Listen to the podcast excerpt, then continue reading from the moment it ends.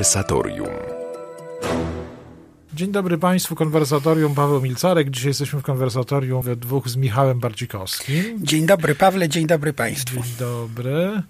A chcemy rozmawiać o takim y, trudnym trójkącie między sprawiedliwością, prawdą i sądem.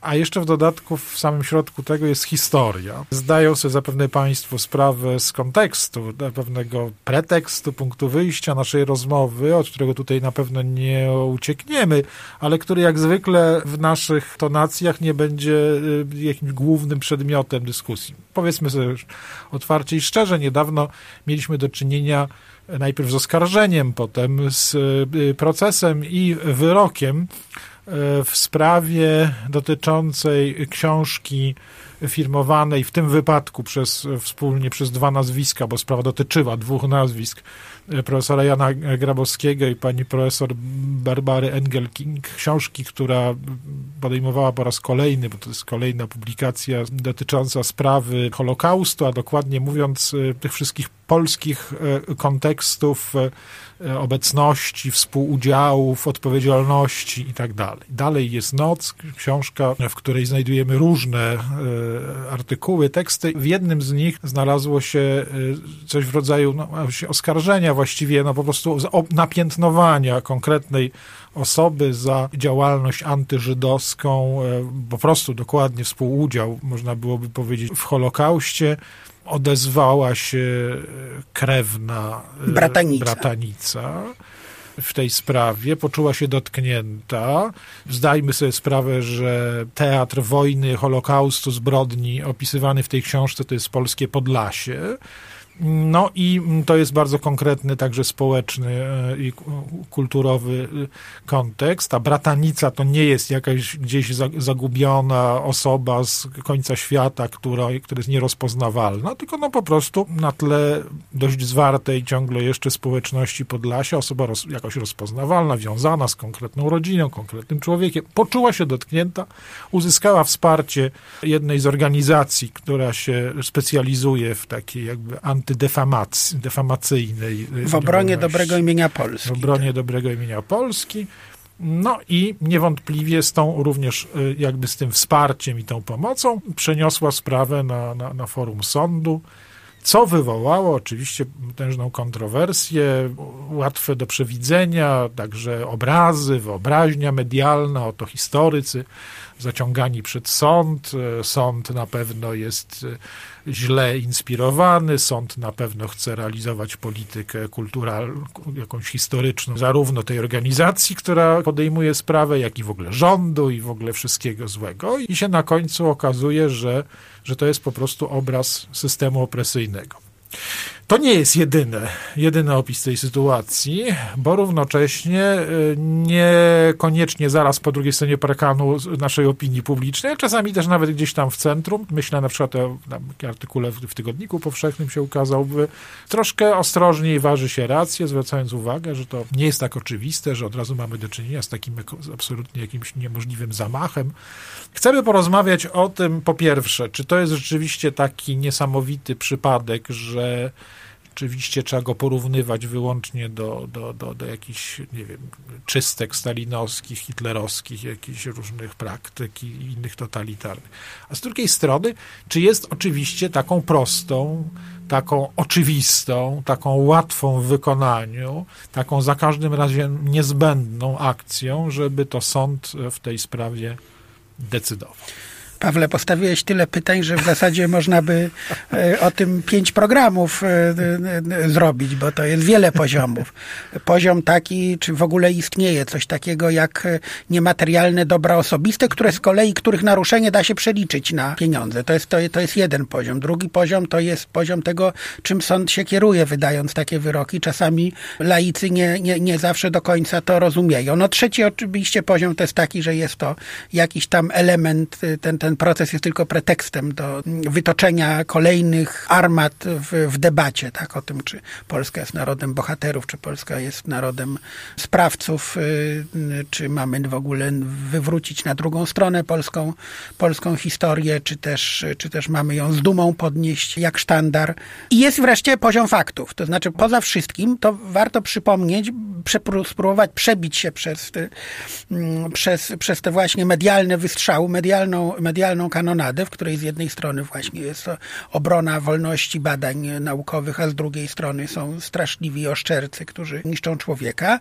Ta książka, jak już powiedziałeś, jest to takie case study, mówiąc, mhm. mówiąc takim żargonem.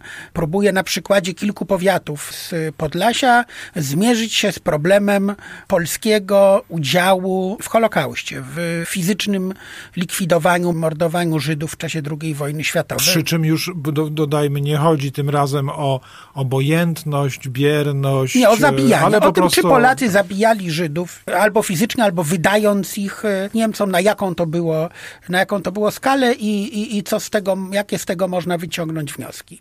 I otóż powołując się na y, relację, y, którą Barbara Engelking odebrała od ocalałej y, z Holokaustu, powołując się na tę relację, przytoczyła ją pani profesor twierdząc, że sołtys wsi Malinowo, Edward Malinowski, po pierwsze ograbił tę Żydówkę, która ocalała z Holokaustu, a po drugie, że powszechną wiedzą było, że on brał udział w wydawaniu Żydów, którzy ukrywali się w okolicznych lasach. No i tu zaczyna się problem. Po pierwsze, do czego Barbara Engelking się przyznała, pomyliła dwóch Edwardów Malinowskich, to mhm. znaczy ten, który ją miał ograbić, to jest inny Edward mhm. Malinowski niż ten, który był sołtysem, który miał wydawać Żydów Niemcom. A, a dodajmy, że wejdę mhm. ci w słowo, bo to jest specyfika sprawy.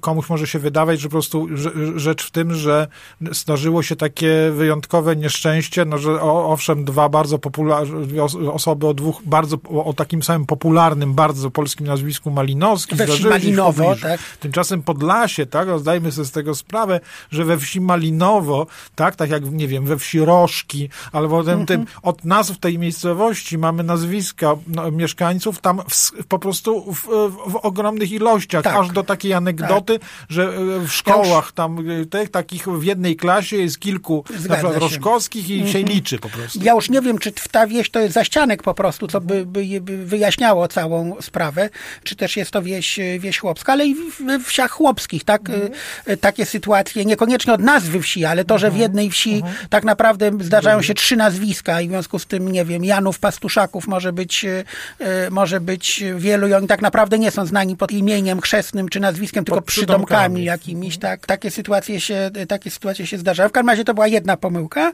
A druga rzecz to, że tenże Edward Malinowski stanął po wojnie przed sądem. Mhm. Oskarżony o, o wydawanie Żydów y, Niemcom i został uniewinniony. Między innymi dzięki zeznaniom tejże ocalałej e, z Holokaustu. Więc mamy tu do czynienia e, z dwoma świadectwami, tak, tej samej osoby, złożonymi na przestrzeni kilkudziesięciu, e, kilkudziesięciu lat. Z różnych względów Barbara Engelking uzna za bardziej wiarygodne tą późniejszą, obciążającą dla Edwarda Malinowskiego relację. Dalej nie wchodząc w szczegóły, ale mhm. dodajmy do tego, że w ramach tego procesu on się przyznał do tego, że w ramach samej akcji formalnie brał udział, bo o czym my czasem nie pamiętamy, na tym najniższym poziomie Niemcy zachowali polską administrację, zachowali sołtysów. Kojarzy nam się granatowa policja, ale byli przecież właśnie sołtysi we wsiach i, i tak dalej. Oni bardzo często pełnili taką rolę y, na pograniczu, to znaczy z jednej strony ostrzegali podziemie o różnych akcjach, a z drugiej strony musieli albo pozorować, albo no często niestety nie pozorować, tylko po mhm. prostu gorliwie kolaborować. Więc on się przyznał do tego, że formalnie rzecz biorąc brał udział w tej, w tej akcji, ale jak widać sąd nie dopatrzył się w tym formalnym udziale jakiejś rzeczywistej szkody, na przykład tego, że bez jego udziału by się coś nie odbyło, tak? To znaczy, że on prawdopodobnie brał udział y, w, pod, w tej chwili to, to spekuluje, dlatego że ja oczywiście akt tego procesu, y, procesu nie widziałem. W każdym razie sprawa jest wielowątkowa, na wielu poziomach trudna. I teraz, jaka jest rola sądu, o czym, zwłaszcza w procesie cywilnym, w przeciwieństwie do procesu karnego, a tu mieliśmy do czynienia z procesem cywilnym. O ile w procesie karnym sąd musi starać się ustalić wszystkie y, po pierwsze prawdę materialną i po drugie wszystkie okoliczności tej prawdy. Bo na przykład nie chodzi tylko o twierdzenie winy czy niewinności, ale o wymierzenie kary. A żeby wymierzyć karę, no to trzeba brać pod uwagę szereg różnych czynników, również samego czynu. W przypadku procesu cywilnego sąd y, mm, stwierdza, czy podniesione przez pozwanego zarzuty są prawdziwe, czy nie są prawdziwe. W związku z tym, jeżeli przepraszam, trochę trywializuję, Pawle. Mhm. Jeżeli ja cię nazwę notorycznym złodziejem, tak, mhm. publicznie, ty mnie pozwiesz mhm. i stwierdzisz, co prawda jestem złodziejem, ale, ale nie, nie notorycznym, tak. to oczywiście sąd y, y, musi mnie, y, y, mnie skazać, ponieważ w tym aspekcie, w którym poczułeś się zniesławiony, ja nie powiedziałem prawdy, nie byłem w stanie tego, tego, tego udowodnić. Nie jesteś notorycznym y, złodziejem i możesz wyjść z sali sądowej, dumnie mówiąc, że sąd oczyścił cię i skazał skazał podłego kłamcę, podczas kiedy, tak jak mówię, sąd nie, nie zajmował się oceną tego, czy jesteś w ogóle dobrym człowiekiem, a ja podłym kłamcą, tylko zajął się stwierdzeniem gołej prawdziwości bardzo konkretnego stwierdzenia. W tym wypadku ewidentnie jedna sprawa to pomyłka co do tożsamości, druga sprawa to, to bezkrytyczne potraktowanie jednej relacji tej samej osoby w sytuacji, w której była dostępna druga relacja tej samej osoby zaprzeczająca tej późniejszej relacji. Na tej podstawie sąd, sąd uznał pozew, ale nie uwzględnił żądań finansowych i nie uwzględnił też żądania publikacji tych przeprosin w, w mediach y, ogólnodostępnych, co wiązałoby się, co, często, dla...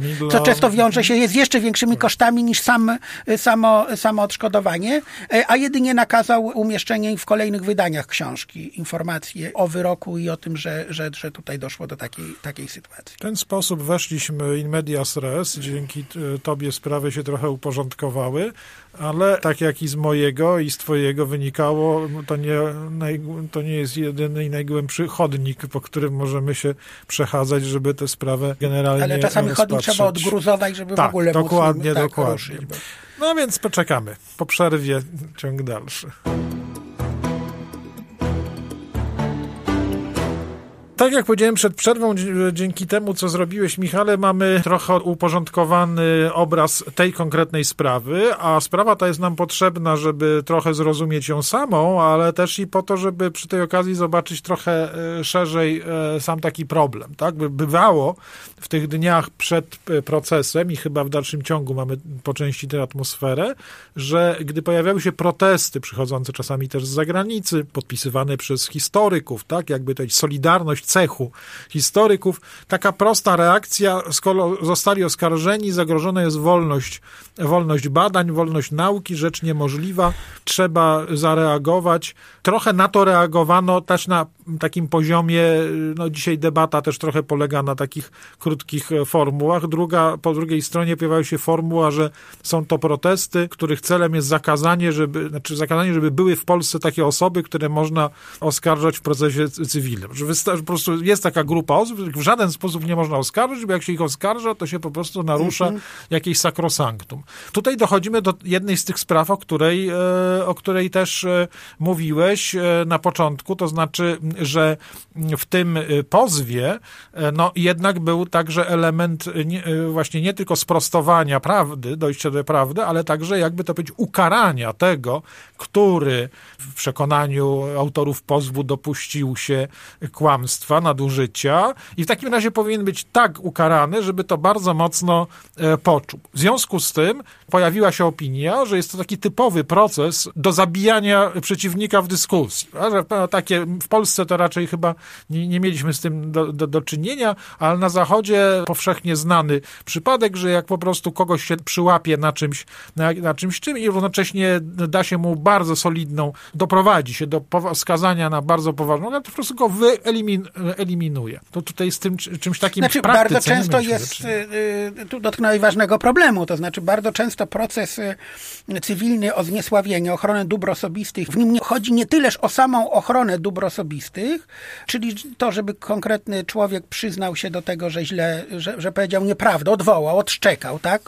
Odwołując się już do, do tego staropolskiego przykładu, prawda? Procesu o ochronę dóbr osobistych, ale o to, żeby w ogóle daną osobę I wtedy opłaca się nawet jeżeli jest się w 100% winnym, i tak wytoczyć proces cywilny o naruszenie dóbr osobistych, bo składając na przykład wniosek o zabezpieczenie, w przypadku sporu o przedmiot materialny to jest normalne. No, chodzi o to, żeby do czasu rozstrzygnięcia przedmiot sporu, nie wiem, samochód tam, dom, nie, nagle nie zniknął, prawda? Nie, nie ten, tylko żeby on leżał sobie i czekał na, na rozstrzygnięcie, a w przypadku mowy, tak, czy to będzie artykuł, czy to będzie książka, oznacza na przykład zakaz publikacji danej książki.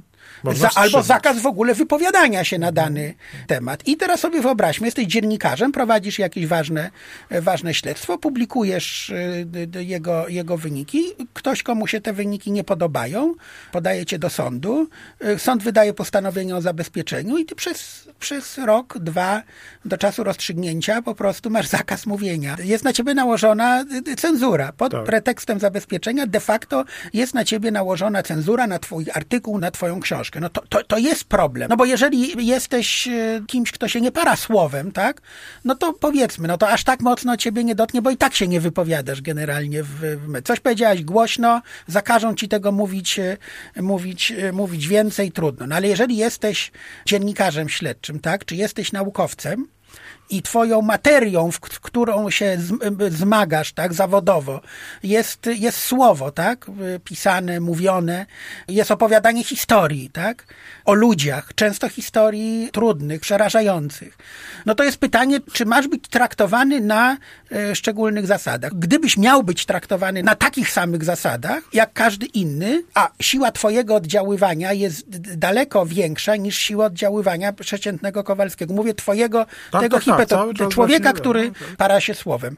To bardzo łatwo mógłbyś stać się narzędziem do niszczenia ludzi. Ze strony różnych służb, nie wiem, tam korporacji i tak dalej, które by ci dostarczały e, ten. Wygląda to wszystko wiarygodnie, tak? Ty to publikujesz, niszczy, a takich historii my, my znamy. Niszczysz Oczywiście, jakiegoś tak. człowieka, będąc całkowicie niewinnym. W sensie tego, że ty byłeś święcie przekonany, że to jest prawda. W wielu krajach różnie się te kwestie rozstrzyga. Zarówno w stosunku do, ja mówię teraz bardziej w kontekście dziennikarzy, tak? Ale mhm. to na troszeczkę innych, ale równocześnie jednak podobnych zasadach dotyczy no, dotyczy historyków, historyków zwłaszcza historyków dziejów najnowszych. najnowszych, prawda?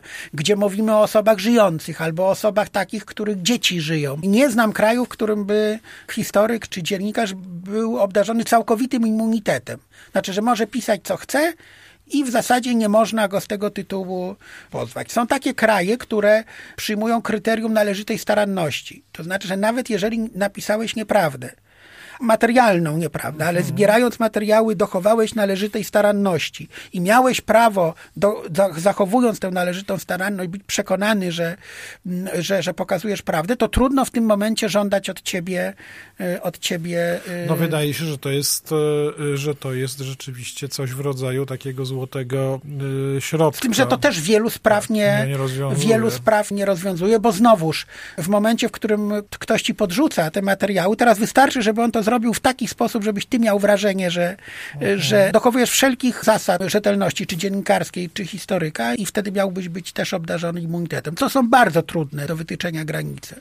To rzeczywiście dotknąłeś także tej e, bardzo bliskiej, sąsiedniej sprawy dziennikarzy. Tutaj przy dziennikarstwie śledczym, przy, e, to, to, to faktycznie ja mówiąc poprzednio, że w Polsce nie mieliśmy do czynienia, czy nie mamy do czynienia z tak trudnymi e, sprawami, oczywiście miałem na myśli głównie e, problem dosłownie takich procesów wytaczanych historykom.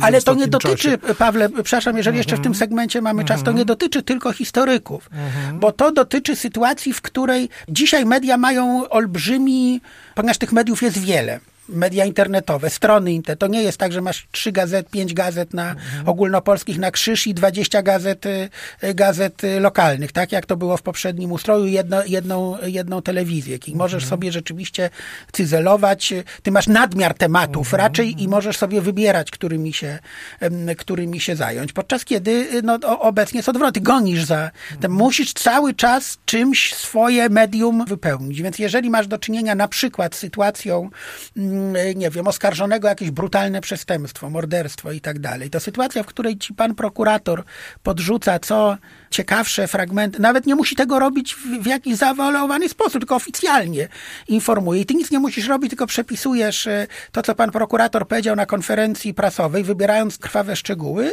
y, podczas kiedy później mamy do czynienia, no okazuje się, że prokuratura potrafi na przykład, no część tylko prawdy, coś wyostrzyć, prawda, coś, e, coś ten i człowiek, który, który w mediach został przedstawiony jako, jako, nie wiem, wampir, morderca, prawda, później okazuje się raczej człowiekiem, który został albo kompletnie niewinnym, albo wplątanym e, w sytuację, która wygląda zupełnie inaczej. Myśmy niedawno mieli ten przypadek dziewczyny, która utonęła w, w Warcie w Poznaniu, o ile ja dobrze, e, dobrze, dobrze pamiętam. Przed sądem postawiono jej chłopaka, z którego zrobiono no, oprawcy, który ją z zimną krwią utopił w tej Warcie.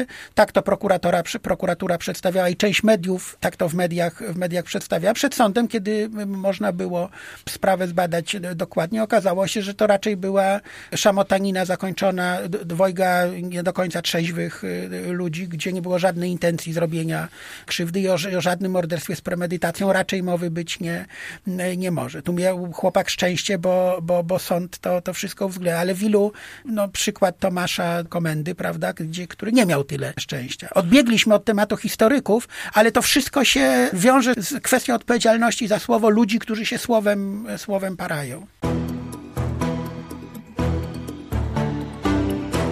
Rozmawiamy o sprawie odpowiedzialności za słowo, tak konfrontowanej z, z, z jakby to powiedzieć, ochroną wykonywaną przez, przez wymiar sprawiedliwości, no bo to, że odpowiedzialność za słowo może mieć bardzo różne wymiary. No, na przykład w, w jakimś towarzystwie, w jakimś środowisku odpowiedzialność za słowo może być egzekwowana w ten sposób, że notoryczny albo w każdym razie jakiś szczególnie szkodliwy kłamca może być otoczony swoistą infamią. To jest oczywiście obyczajowy moment, który może być bardzo skuteczny, ale gdy zderza się z kolei z pewną maszyną, tak, mamy do czynienia nie tyle z kimś, kto z racji swojej jakiejś, e, nie wiem, swawolności albo e, jakichś innych cech charakteru po prostu chlapie jakieś, jakieś nieprawdy, mhm. ale mamy na przykład do czynienia z człowiekiem, który w ten sposób zarabia na życie, wykonuje swoje, swój zawód, jest, jest jakby to powiedzieć pracownikiem pewnej fabryki, która domaga się od niego tego, żeby albo pośpiesznie montował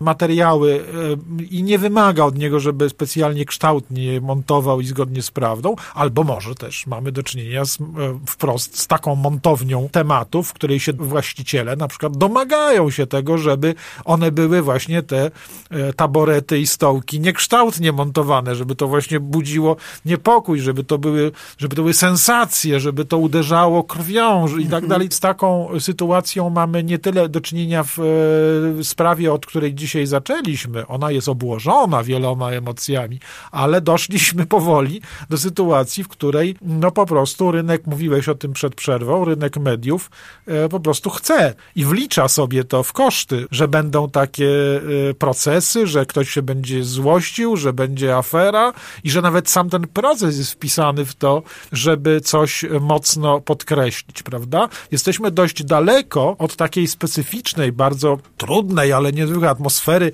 nie wiem, na przykład jak spór o, o, winę Dreyfusa, prawda? To dzieli opinie, ktoś się naprawdę stawia przed sądem, jest rzeczywiście jakoś tam zagrożony, prawda? Kładzie swoją, e, swoją opinię, odpowiedzialność.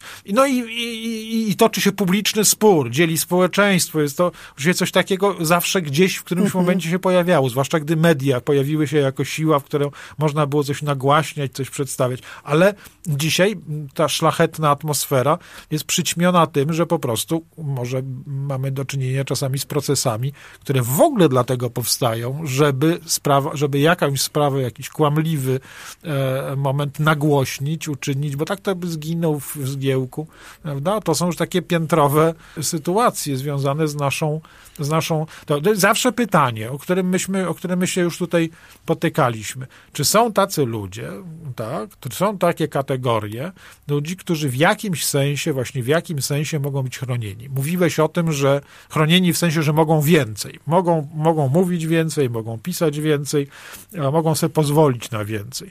Do tej pory y, wskazaliśmy dwie takie kategorie, wokół których toczy się spór. To są e, autorzy opracowań naukowych, historycy. Tu jest w Polsce chyba i w ogóle w naszych czasach wyostrzony taki trochę zmysł niepokoju o wolność e, słowa i wolność badań.